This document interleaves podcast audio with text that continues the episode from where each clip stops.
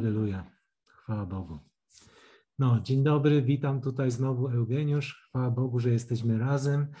Dzisiaj znowu ciekawy temat, ale na początku pomodlimy się do naszego Ojca. Aba Ojcze, dziękujemy Ci, że jesteś, że jesteś tym, który w nas wierzy i który do tego doprowadził, że uwierzyliśmy Tobie. Dziękujemy Ci za to, że Ty nas zbawiłeś, przez to, że Twój Syn Jezus Chrystus przyszedł tu na ziemię z wielką radością, z, wielkim, z wielką miłością do rodzaju ludzkiego, żeby dokonać ty, tego, czego żaden człowiek nie mógł dokonać. Dokonać zbawienia całej ludzkości. Dziękuję Ci za to, Jezu. I wspominamy to codziennie, bo Ty jesteś tym, który nas umiłował, jak, jak jeszcze byliśmy grzesznikami. Dziękujemy Ci za Twoją łaskę. I teraz żyjemy w czasie łaski.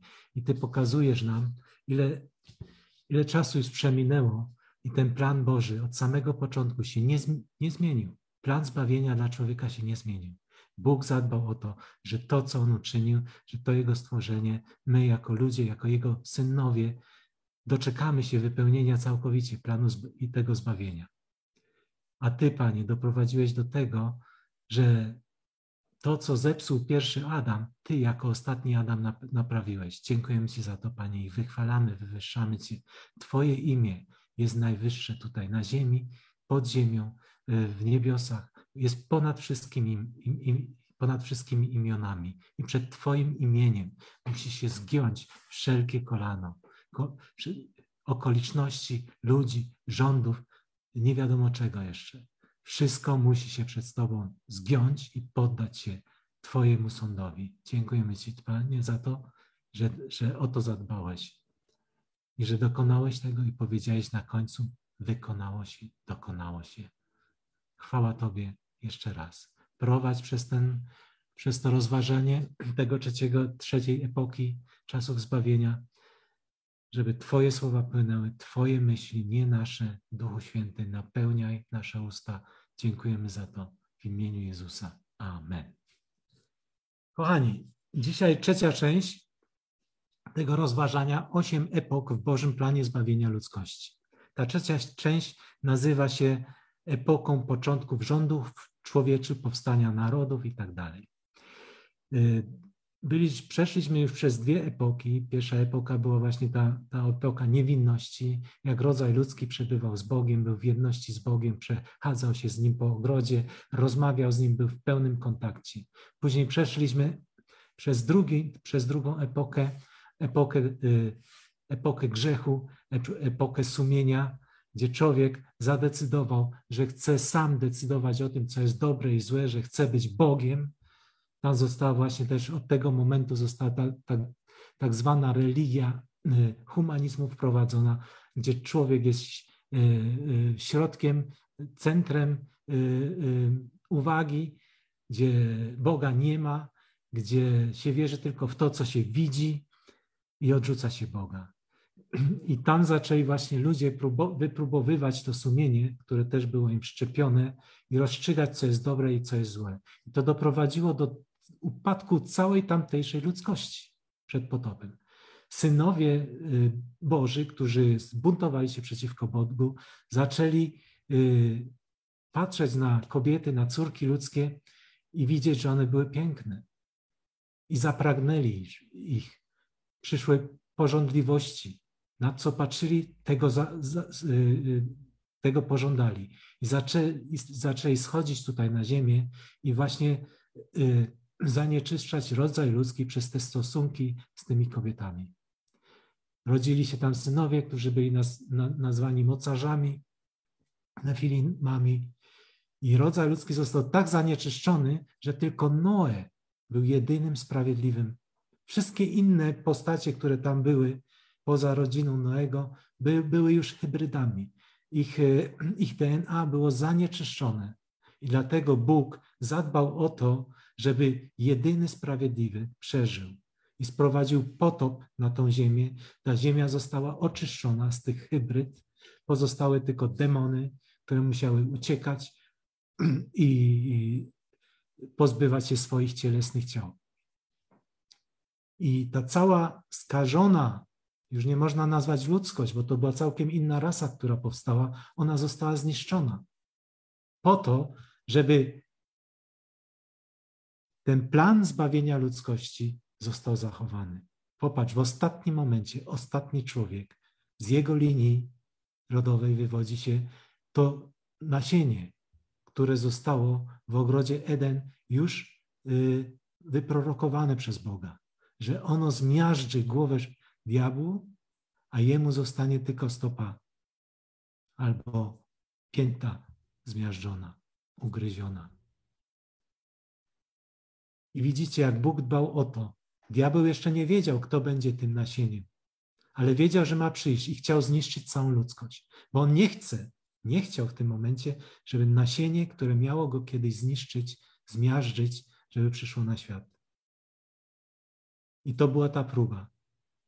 Próba najpierw zabił Abla, bo w sumie z linii rodowej Abla wysz, wyszedłby Jezus Chrystus. Bo Kain został przeklęty. Ale później narodził się Adamowi i Ewie Sem. Set. I Set, nie Sem, tylko Set.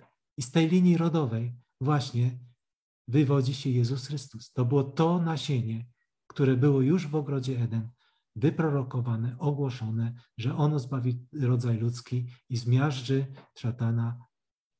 I, I to była mowa o Jezusie Chrystusie.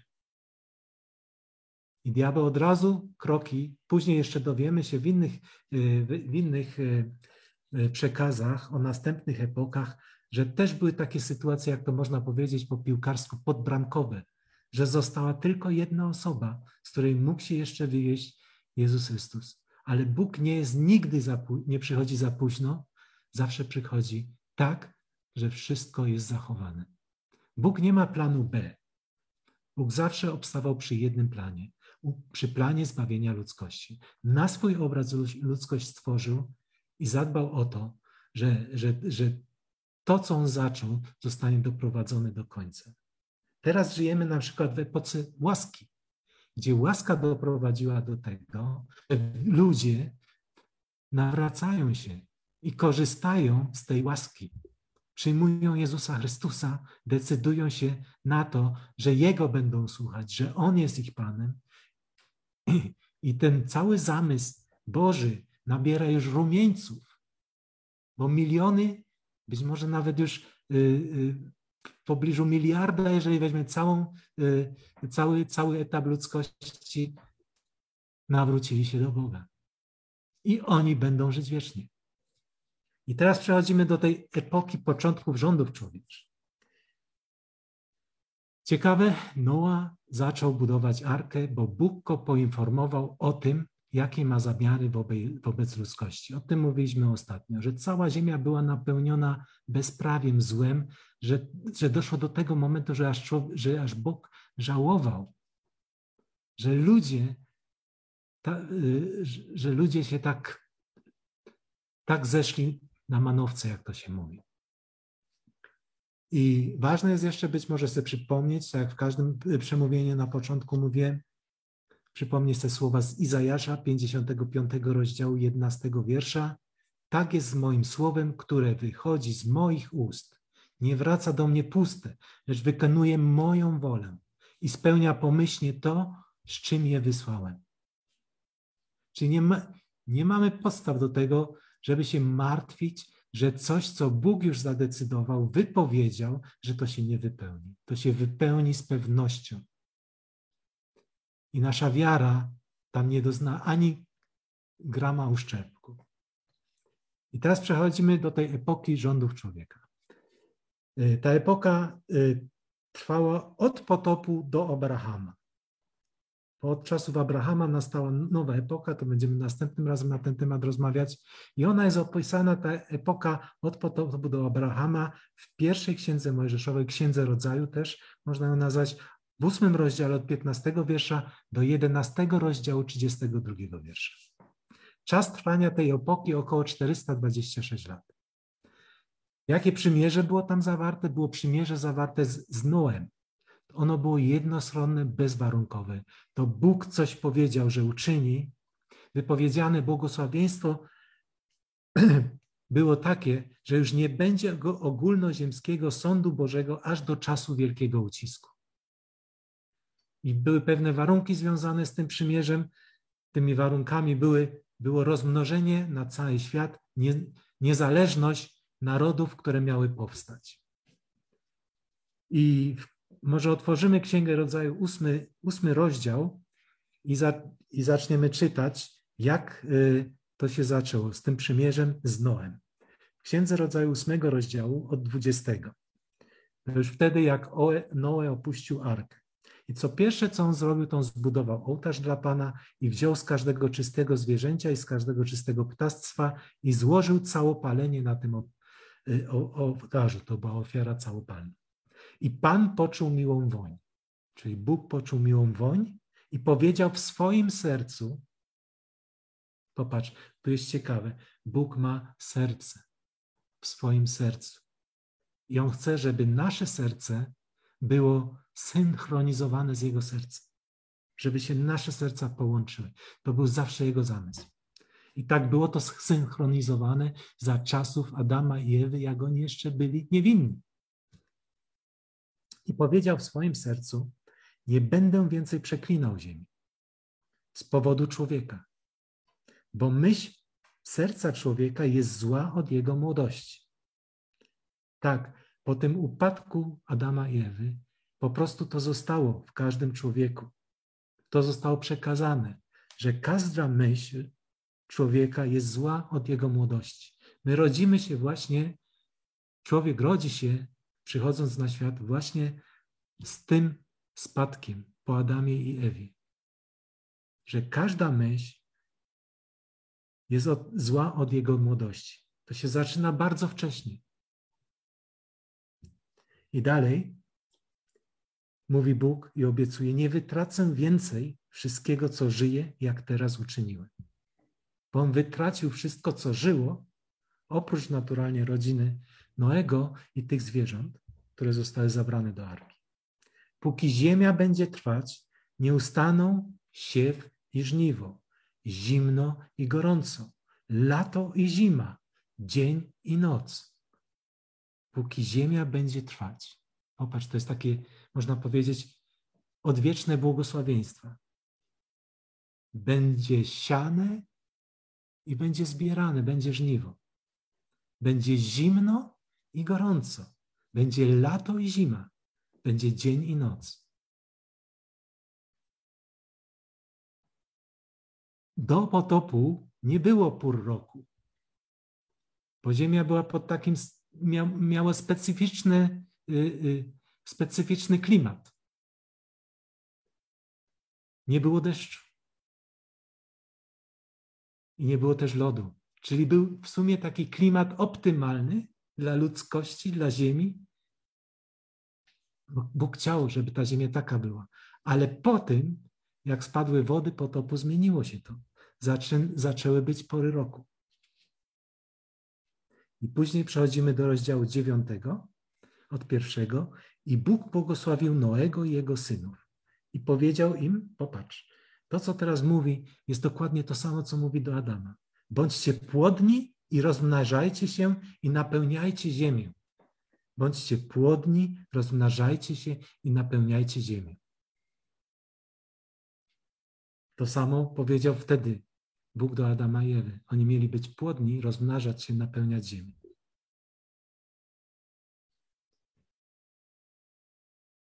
A strach i lęk przed wami będzie nad wszelkim zwierzęciem ziemi, nad wszelkim ptactwem nieba, nad wszystkim, co się porusza na ziemi i nad wszelkimi rybami morza, oddane są w wasze ręce.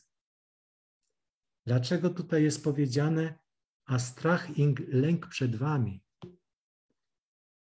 W tym, co było mówione do Adama i Ewy, tam nie było mowy o strachu i lęku zwierząt przed ludźmi. Tylko ludzie mieli nad nimi panować. No, odpowiedź mamy w następnym wersecie. I to jest całkiem, to jest nowość znowu. Nowość w, w tym błogosławieństwie, w tym przymierzu z człowiekiem. Wszystko, co się porusza i żyje, będzie dla was pokarmem. Podobnie jak rośliny zielone, daję wam to wszystko. Do czasów potopu, w ogrodzie, najpierw w ogrodzie Edem, a później do czasów potopów, człowiek był wegetarianinem albo weganem. To wszystko to jedno. Nie zabijało się zwierząt, żeby je konsumować. Najwyżej były zwierzęta zabijane już po wyjściu. Po raz pierwszy Bóg zabił pierwsze zwierzęta, złożył je w ofierze dla człowieka, żeby uszyć im y, odzienie ze skór zwierzęcych, a później Abel był pierwszym, który złożył w opierze y, zwierzę, baranka Bogu. I wychodzimy z tego założenia, że później też składano ofiary. Nie, nie ma o tym mowy yy, tak wyraźnie, ale tutaj wchodzi coś takiego, że teraz pozwolono człowiekowi spożywać te zwierzęta, czyli polować na nie, gonić je, yy, składać jakieś zasadzki, zabijać i spożywać. I z tego powodu strach i lęk był nad tymi zwierzętami, bo nie wiedzieli, dawniej żyli w zgodzie z człowiekiem, bo człowiek się ich nie czepiał, wprost przeciwnie, błogosławił je, używał je być może do różnych prac domowych, ale nie zabijał. Te zwierzęta umierały syte swoich dni. tak jak teraz człowiek powinien umierać syty swoich dni, nie przed czasem. Ale wtedy weszło właśnie to na świat i to będziemy widzieć y, w dalszym tym. Weszło to, to pozwolenie na świat, że wszystko, co się porusza i żyje, będzie dla was pokarmem. W czwartym wierszu pierwsze przykazania, lecz nie będziecie jeść mięsa z jego życiem, to jest z jego krwią. Bóg tego na to nie pozwolił. Bo krew jest życiem. Jeżeli oni to zrobią, ja będę żądał waszej krwi, to jest waszego życia, od każdego zwierzęcia będę je żądał, jak i od ręki człowieka, od ręki każdego brata jego będę żądał życia człowieka.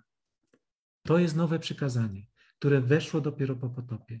Jeżeli by to przykazanie y, istniało Zaraz po opuszczeniu ogrodu Eden musiałby Kain umrzeć. Ale wtedy nie było tego przykazania, dlatego pozwolono mu żyć, pozwolił mu Bóg żyć. I nawet chronił go przed zamordowaniem, przed, przed zabiciem przez innych ludzi. I teraz w szóstym dalej jeszcze mowa o tym, kto przeleje krew człowieka. Przez człowieka będzie przelana jego krew, bo na obraz Boga człowiek został stworzony. I to przykazanie istnieje do dnia dzisiejszego. Jezus Chrystus powiedział, kto wie, mieczem wojuje, od miecza zginie. To się pokrywa z tym, co tutaj mówi Bóg. Jeżeli ktoś przeleje krew człowieka, przez człowieka będzie przelana jego krew. Bo na obraz Boga człowiek został stworzony. Popatrz, jaka, jaka wartość tutaj jest człowieka. Na obraz Boga zostaje stworzony i nikt nie może, nie, Nikomu nie pozwalam podnosić na ciebie rękę, bo ty jesteś na mój obraz stworzony.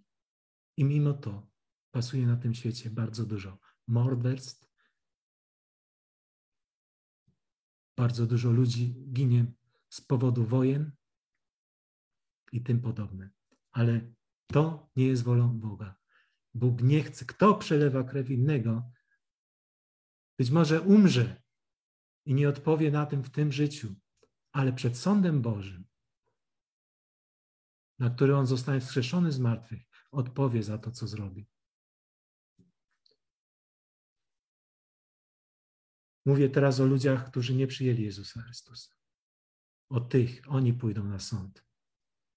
I będą na podstawie tych uczynków, które czynili podczas swojego życia, odpowiadać. Osądzani. I teraz następne, znowu Y, to już było takie samo przykazanie, które było dane rodowi ludzkości, y, y, Adamowi i Ewie. Wy zaś bądźcie płodni i rozmnażajcie się. Rozradzajcie się na ziemi i rozmnażajcie się na niej.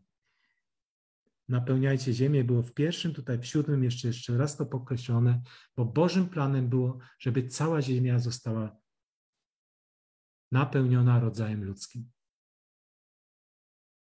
Nie, żeby w jednym miejscu byli, Bóg czegoś takiego nie, nie lubi, będziemy zaraz to widzieć, że cała ziemia została napełniona. I cała ziemia była uporządkowana, podporządkowana, uprawiana przez ludzi. I teraz przejdziemy dalej do dziewiątego wiersza.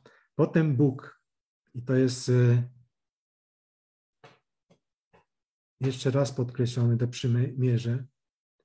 Potem Bóg powiedział do Noego i do jego synów z nim, a oto ja ustanawiam moje przymierze z wami i z waszym potomstwem po was. Czyli to przymierze, które tutaj jest ustanowione, obowiązuje wszystkich potomków do dnia dzisiejszego i z wszelką żywą istotą, która jest z wami, z ptactwem, bydłem oraz wszelkim zwierzęciem ziemi, które jest z wami, od wszystkich, które wyszły z arki, aż do każdego zwierzęcia ziemi. Ustanowię moje przymierze z wami. I to jest to. Nie będzie już więcej zgładzone wszelkie ciało wodami potopu. Nie będzie. To jest to przymierze jednostronne. Bóg obowiązuje, zobowiązuje się do tego, że nie będzie już więcej zgładzone wszelkie ciało wodami potopu. I to błogosławieństwo, to przymierze obejmuje człowieka, jak także zwierzęcie.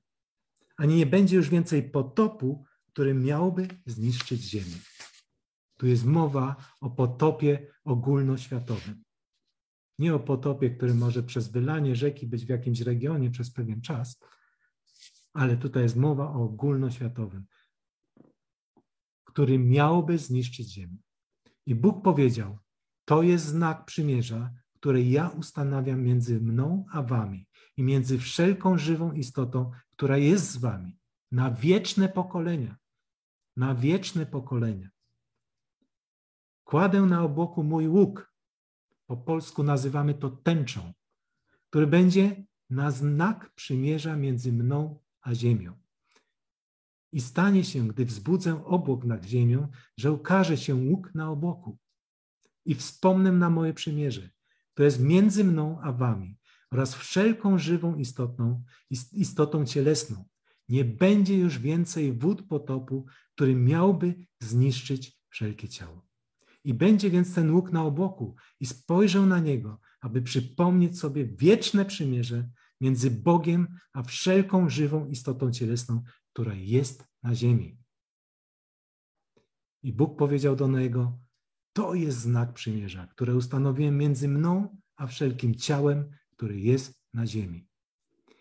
I tą tęczę widzimy często po, po deszczu, podczas deszczu. Widać ten łuk nad obłokami. Widać. Co ciekawe, ludzie, którzy y, zajmują się, jak to się mówi, częstotliwością, częstotliwością y, w fizyce,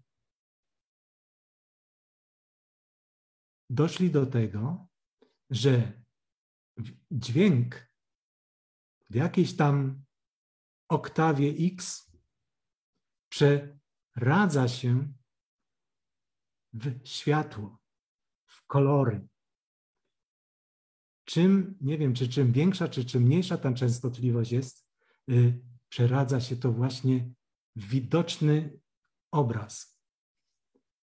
Jeżeli widzimy ten łuk, tą tęczę nad nami, przed nami, to w sumie w tym momencie są to te słowa, które Bóg wypowiedział tylko one są w duchowej świecie wypowiedziane. Także my z naszą częstotliwością nie potrafimy tego usłyszeć, ale potrafimy uwidzieć i przypomnieć sobie, tak mówił Pan, tak mówił Bóg. To przymierze jest do dzisiaj. I ono jest niezakończone. Na wieczność z rodzajem ludzkim jest one zawarte jednostronne. Bóg się zobowiązał. Tak bardzo kocha tych, których stworzył na swój obraz. To jest ciekawe, nie? Czyli Bóg objawia się nawet tym, którzy nie chcą Boga widzieć. Ten łuk jest Jego głosem. Ten łuk jest pewnym odbiciem Jego oblicza, Jego głosu. I nawet niewierzący w Boga, ten, który mówi, że Boga nie ma, ma tutaj jeden z przejawów, z dowodów tego, że On jest. Bo przed sześcioma tysiącami lat około, albo bez pięcioma tysiącami, bo tam od czasów, y, od czasów y, Adama do potopu trochę czasu przeszło. To istnieje i jest widzialne przez ludzi. I przez pokolenia przypominano sobie to, że Bóg to powiedział. Także tylko głupi, tak jak mówi psalmista, może w swoim sercu powiedzieć: Nie ma Boga. Popatrz, ile można już zaczerpać z tego tutaj, z tej epoki początków rządów człowieka. Głównym bohaterem tego okresu był właśnie Noe.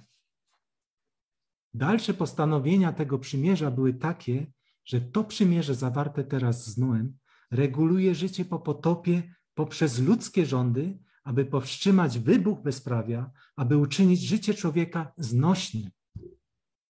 Bo wiadomo, że to są ludzkie rządy. Głównym przekazem duchowym w tym okresie było po pierwsze Arka Noego, a także właśnie to, o czym teraz mówiliśmy, tęcza jako znak Bożej łaski. To jest znak Bożej łaski. Tęcza jest znakiem Bożej łaski, że już nigdy potopem rodzaju ludzkiego nie będzie niszczyć. A Arka Noego dlatego jest tym głównym przekazem, główną Ewangelią, bo to jest właśnie to, co uratowało Noego i jego rodzinę. I to jest dobrze pokazane w liście Piotra, w pierwszym liście Piotra, trzecim rozdziale, w 20 i w 21 wierszu. Piotr to, to fajnie tłumaczy. Niegdyś nieposłusznym, gdy za dni Noego raz oczekiwała Boża cierpliwość, kiedy budowano arkę, w której niewiele, to jest osiem dusz, zostało uratowanych przez wodę.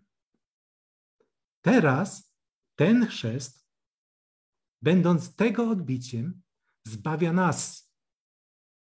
On mówi, że uratowanie przez wodę, dlaczego przez wodę? Bo ta woda podniosła arkę ponad ta, tą całą społeczność hybrydową, która została na Ziemi i uratowała. To nie było zniszczenie rodzaju ludzkiego. Ludzie tak nieraz myślą, nie wiedząc, że te stworzenia, które, stworzenia, te, y, te byty, które tam się znajdowały na ziemi, to już nie były ludzkością. Jedynym człowiekiem, jedyną ludzkością było właśnie te osiem dusz. Tutaj Piotr to bardzo dokładnie mówi. Osiem dusz. Wszystko inne już nie było duszami. Już było jakimiś bytami. I to, że Bóg zniszczył je, to nie było pokazem jakiejś Bożej złości, Bożej nienawiści. To było pokazem Bożej miłości, bo On zadbał o to, że ci, którzy zostali stworzeni na Jego obraz, przeżyli. A ci, którzy powstali w taki sposób, jak było opisane, łącząc różne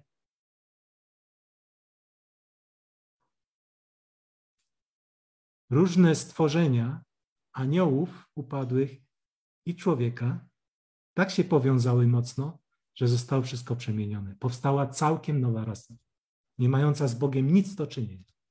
To nie zostało przez Boga stworzone, to nie było na, na, na obraz Boży stworzone. To, co z tego wyszło, zanieczyściło ziemię, splugawiło ją. Nawet jest tak powiadane, powiedziane w Słowie Bożym. I teraz tutaj mówię y, apostoł Piotr, teraz ten chrzest, będąc tego odbiciem, tych ośmiu uratowanych dusz, zbawia nas. nie jest usunięciem cielesnego brudu, ale odpowiedzią czystego sumienia wobec Boga przez zmartwychwstanie Jezusa Chrystusa. Ten chrzest oznacza zmartwychwstanie też Jezusa Chrystusa. Zanurzając się, umierasz, wynurzając się, jesteś zmartwych zbudzony w Jezusie Chrystusie. To jest to, co ratuje. Ta, ten duchowy przekaz, jeżeli idzie o chrzest, jest tutaj w wspaniały sposób pokazany. Piotr to bardzo fajnie ujął.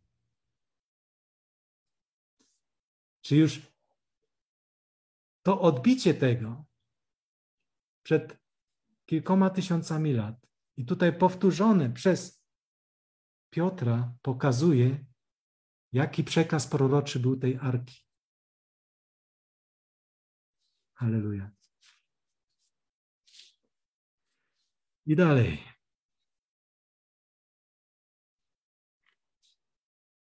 Co było porażką i upadkiem w tym, w tej trzeciej epoce?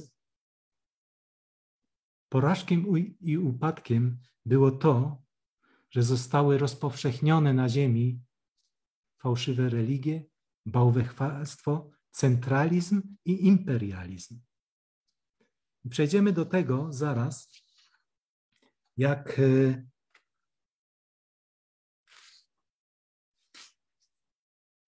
jak będziemy omawiać o czasach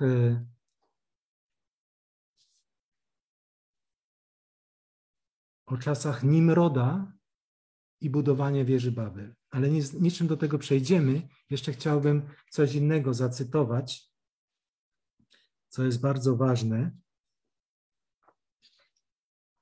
Jeszcze list do Hebrajczyków nawiązuje właśnie do czasów Noego i to chcielibyśmy zobaczyć. Hebrajczyków 11, 11 rozdział, 6 i 7 wiersz. Tam jest mowa o wierze.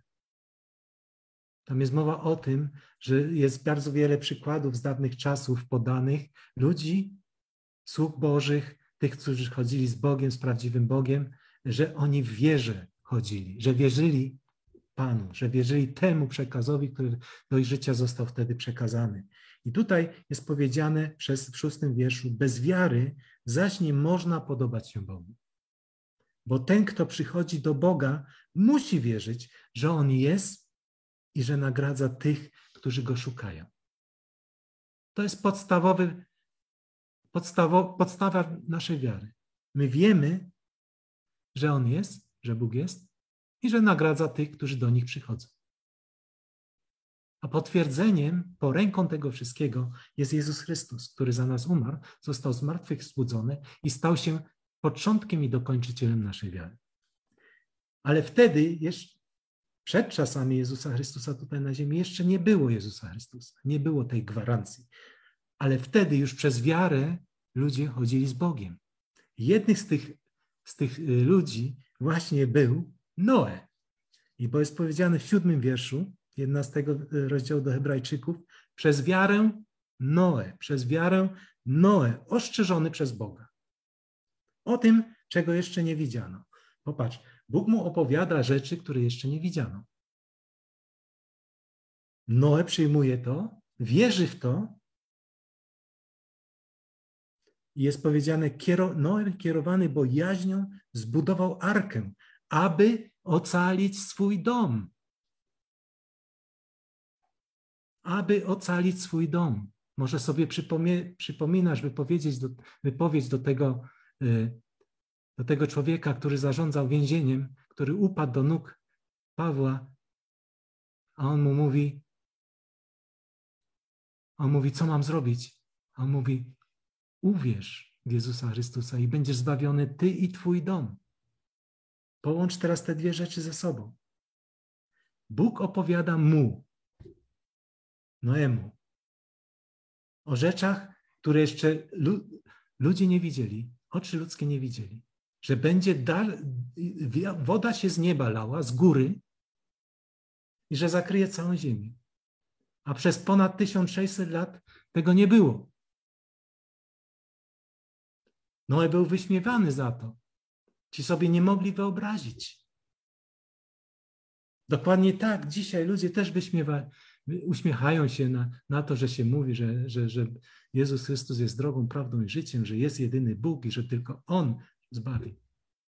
To mówią, Boga nikt nigdy nie widział. Ale w Jego stworzeniu widać Go wszędzie. I nie mają wymówki. A tutaj Noe, ostrzeżony, Bóg mu mówi, kierowany bojaźnią, bojaźń. To jest respekt połączony z miłością, a nie strach. Zbudował arkę. Bóg mu dał dokładnie plany i tak dalej. Dał mu też mądrość, żeby to zbudować, po to, aby ocalić swój dom.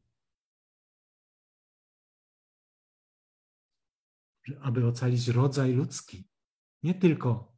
On widział być może w tym momencie jego żonę, trzech synów, żony tych synów. Ale za tym kryło się jeszcze więcej. Cały rodzaj ludzki, który teraz na ziemi jest, pochodzi od Noego, od jego trzech synów. Przez nią, czyli przez budowę tej arki, która była dowodem naocznym, że on uwierzył Bogu, też potępił świat. Jego niewiarę, niewiara tego świata została potępiona. I stał się Noe dziedzicem sprawiedliwości, która jest z wiary. Popatrz, usprawiedliwiony z wiary. Teraz połącz to do, teraz do tej epoki łaski. Usprawiedliwieni przez łaskę z wiary. Już wtedy Boża łaska była na ziemi. I ludzie byli przez Boga usprawiedliwieni. Bo Noe został nazwany jedynym sprawiedliwym wtedy. Halleluja. Jeszcze chciałbym nawiązać do tego, co w Mateusza napisane jest, to też Marka jest też napisane w 24 rozdziale o czasów końca. I tam są też dni Noego zanotowane. W 24 rozdziale od 37 wiersza. A jak było za dni Noego, tak będzie z przyjściem Syna Człowieczego. Jak bowiem za dni przed potopem jedli i pili, żenili się i za mąż wydawali, aż do tego dnia, w którym Noe wszedł do arki. I nie spostrzegli się. Aż przyszedł potop i zabrał wszystkich. Tak będzie z przyjściem Syna Człowieczego. Wtedy dwóch będzie w polu, jeden będzie wzięty, drugi zostawiony. Dwie będą mieć, mieć, mleć na żarnach, jedna będzie wzięta, a druga zostawiona. Czuwajcie więc, ponieważ nie wiecie, o której godzinie wasz Pan przyjdzie.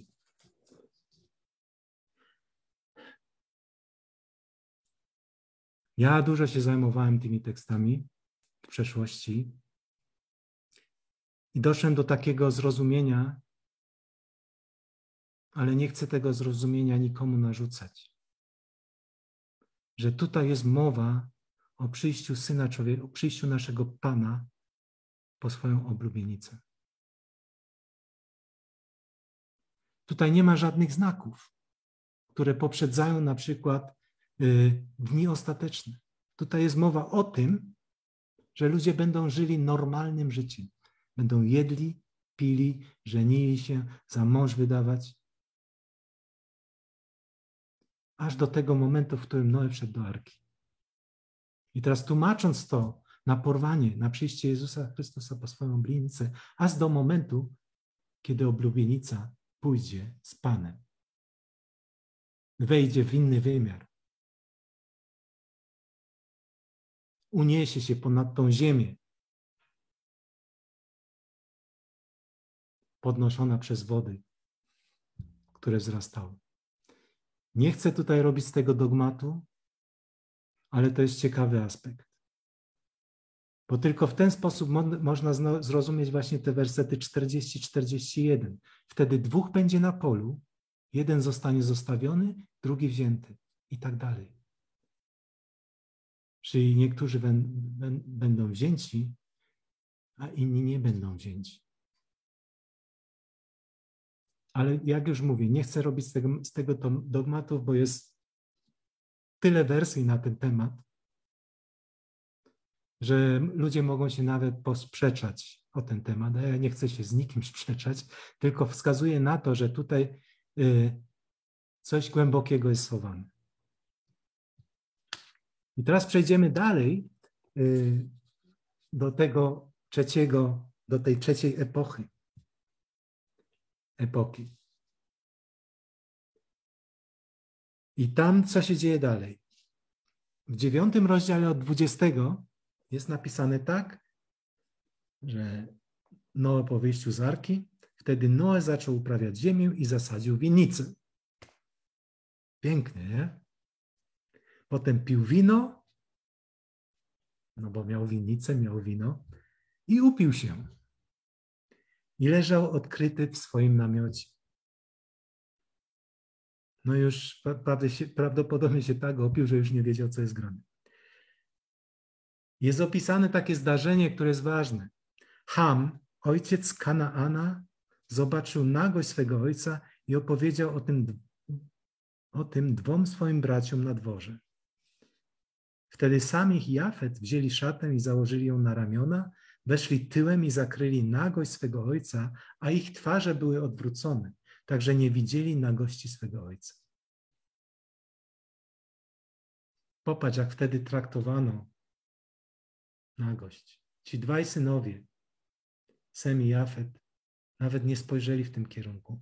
Tyłem weszli do namiotu, zakryli ojca tą, y, tym kocem, można powiedzieć, i wyszli, nie patrząc w ogóle, co tam jest. Ale Ham, tutaj nie jest za dużo na ten temat powiedziane, ale później z kontekstu wynika, że on być może nawet się naśmiewał z tego. Popatrz, co nasz stary zrobił. A teraz lej i leży tam spity i, i nagi.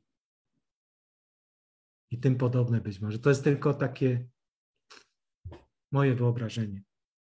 Ale reakcja Noego pokazuje, że to nie było dobre, co Ham zrobił. I powiedział, gdy Noe obudził się po winie, dowiedział się, co mu zrobił jego młodszy syn. Czyli coś tam było, co by nie było czyste. Z punktu widzenia, jak on o tym myślał, jak on to komentował, jak on się naśmiewał, z jakim, z brakującym respektem o swoim ojcu mówi. I powiedział, Noe powiedział, niech będzie przeklęty Kanaan. Będzie sługą sług swoich braci. Będzie sługą sług swoich braci. Tutaj wypowiedział Noe przekleństwo na syna, to był czwarty syn y, Hama, nazywał się Kanan. I od tego Kanaana wywodził, wywodził się naród kananejski. I on później, według tego, co było przepowiedziane, stał się sługą Żydów.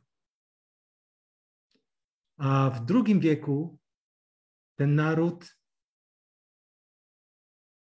wygląda na to, tak mówią historycy, że on całkowicie za, za, zniknął z powierzchni ziemi. Ale co ciekawe jest, wypełniło się to proroctwo i będzie sługą sług swoich braci. Czyli sługą sług, czyli jeszcze najniższy, na najniższym poziomie. I to się wypełniło.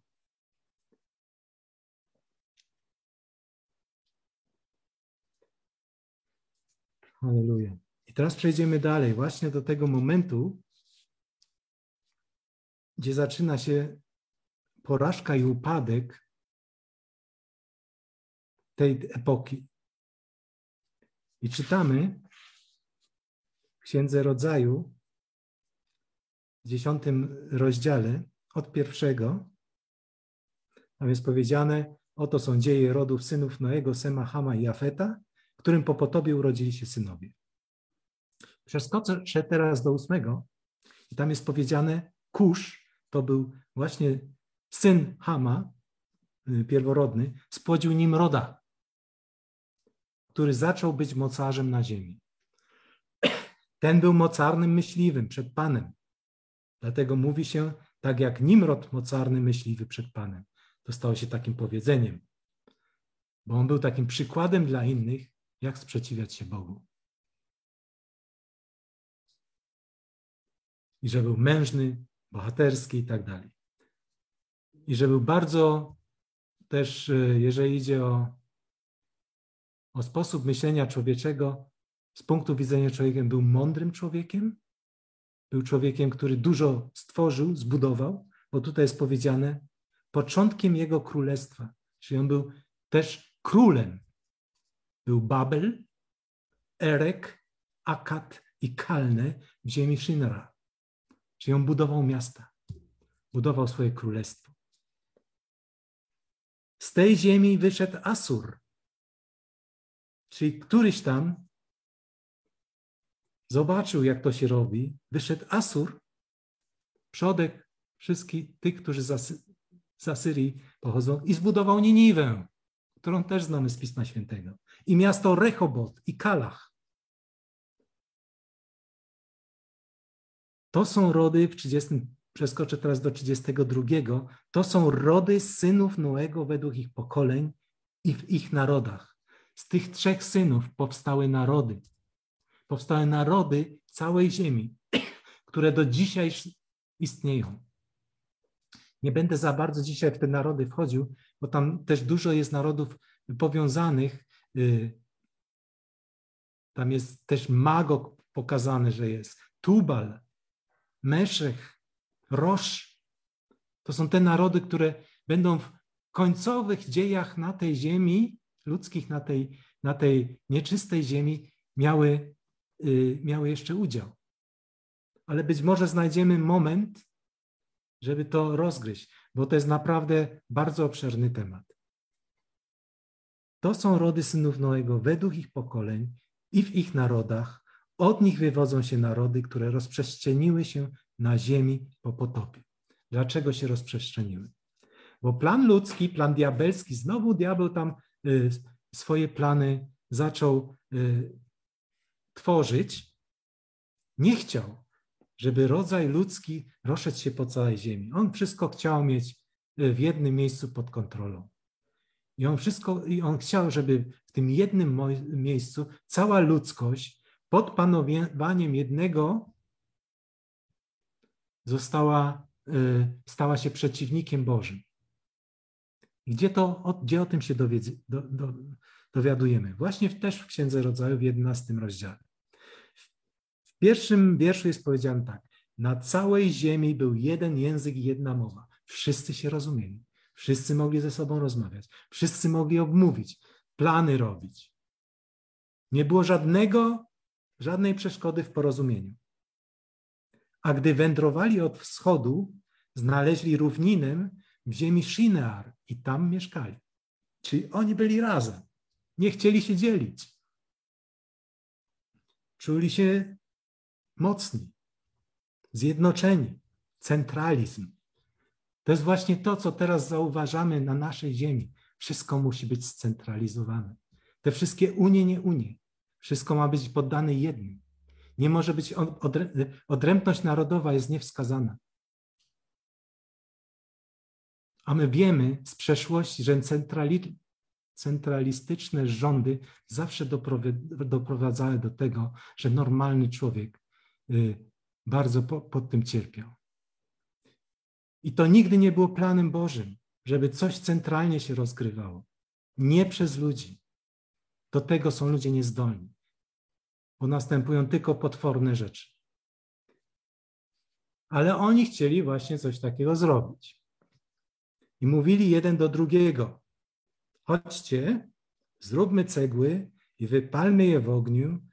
I mieli cegłę zamiast kamienia, a smołę zamiast zaprawy.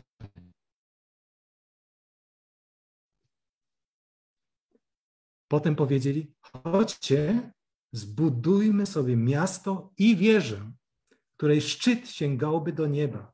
I uczyńmy sobie imię, abyśmy się nie rozproszyli po powierzchni całej ziemi. Oni nie chcieli iść za tym, co powiedział Bóg. Rozmnażajcie się i napełniajcie ziemię. Oni tego nie chcieli. Oni chcieli być w jednym miejscu. Sprzeciwili się Bogu. Krótko po potopie. Sprzeciwili się Bogu. A Pan stąpił, aby zobaczyć miasto i wieżę, które synowie ludzcy budowali. I Pan powiedział: Oto lud jest jeden i wszyscy mają jeden język, ale jest to dopiero początek ich dzieła. Bóg widział początek i koniec tej sytuacji.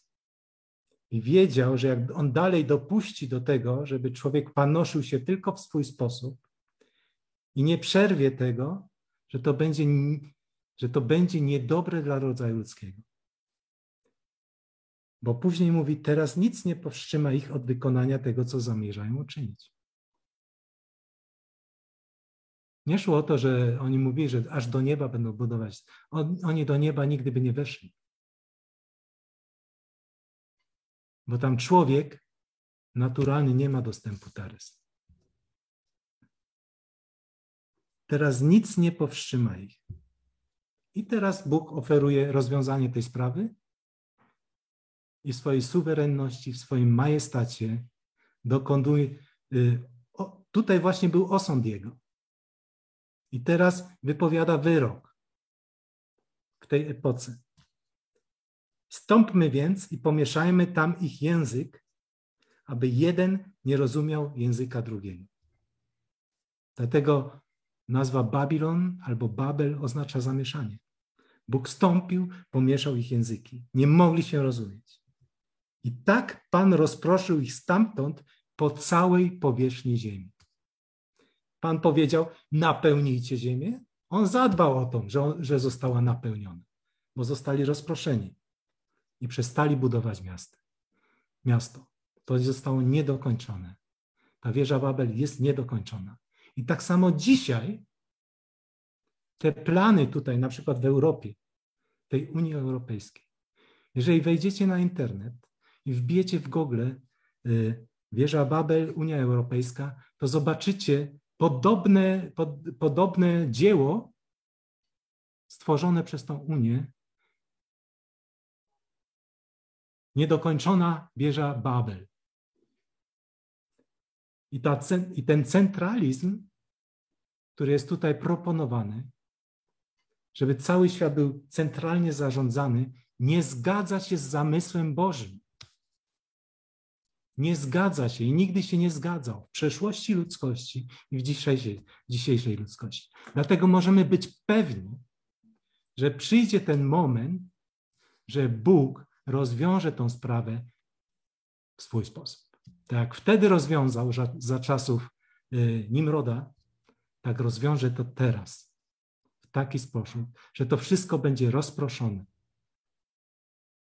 I ci, którzy za tym centralizmem stoją, nie będą mieli, nie będą mogli dokończyć rozpoczętego przez siebie dzieła. Czyli nie obawiajmy się przyszłości, bo Bóg ma nad wszystkim swoją rękę i On widzi, co się dzieje. On widzi. Jego oczy, czytamy w Słowie Bożym, obiegają całą ziemię.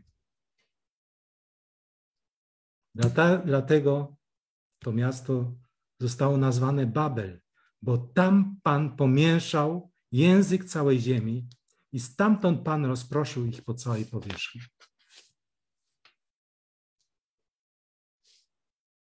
To było sądem i wyrokiem. Pomieszanie języków. Co jest z tym przymierzem, które Pan zawarł z Noem? Ono trwa do dzisiaj. Te postanowienia tego przymierza, że, że ten świat jest w jakiś sposób uregulowany. Że to życie ludzi, ludzi po potopie jest właśnie przez, przez dopuszczenie tych rządów ludzkich w jakiś sposób uregulowane. I te rządy ludzkie dbały przynajmniej do, do dzisiejszego czasu o to, żeby bezprawie się nie szerzyło, aby życie dla każdego człowieka było uczynione znośnym, nie, będzie, nie było perfekcyjnym życiem, było znośnym życiem. Niestety zostały po tym, po tym upadku człowieka rozpowszechnione fałszywe religie, bałwochwalizm, o centralizmie już mówiliśmy, że człowiek do tego zmierza, imperializm, to znaczy, że polityka państw, które są mocne, polegająca na podbojach innych krajów, niestety też y, weszła w, w praktykę i powstały różne kolonie i tak dalej. Teraz próbuje się to w jakiś sposób odkręcić, ale znowu ten centralizm tutaj przejmuje wielką rolę. Ale Bóg wypełni to swoje przymierze z człowiekiem. I zadba o to, że po, tym, że po tej epoce łaski, w której my żyjemy, nastanie też epoka gniewu Bożego. Epoka końca rządów ludzkich tutaj na ziemi. Ale to będzie za parę tygodni temat. A dzisiaj zakończymy na tym temacie. Na następnym temacie będziemy, przejdziemy do epoki obietnicy, która zaczęła się od czasów Abrahama. I dziękuję teraz za uwagę i chwalę naszego Pana i Boga, który pokazuje nas, nam, że Jego plan jest niezmienny. I wszystko jedno, co stanie na drodze, co człowiek sobie wymyśli, to nie gra żadnej roli, bo Pan ma nad wszystkim swoją pieczę. Dziękujemy Ci, Panie, za to, że Ty jesteś wierny swoim słowom, że Ty prostujesz nasze ścieżki, że teraz pozwoliłeś nam żyć właśnie w czasie łaski, że nie, nie urodziliśmy się w innej epoce, tylko właśnie teraz, w epoce łaski. I chcemy korzystać z tej łaski i pokazywać innym, że oni mogą też z tego korzystać, że mogą z łaski żyć przez wiarę. Dziękujemy Ci, Panie. Otwieraj nasze usta i kieruj nasz wzrok, nasz wzrok właśnie na to. Bo Ty jesteś zbawieniem dla każdego i Ty nie chcesz, żeby jakikolwiek człowiek został zniszczony, umarł, tylko żeby został zbawiony. I Ty o to zbawienie już zadbałeś. Chwała Tobie, Pan. Amen.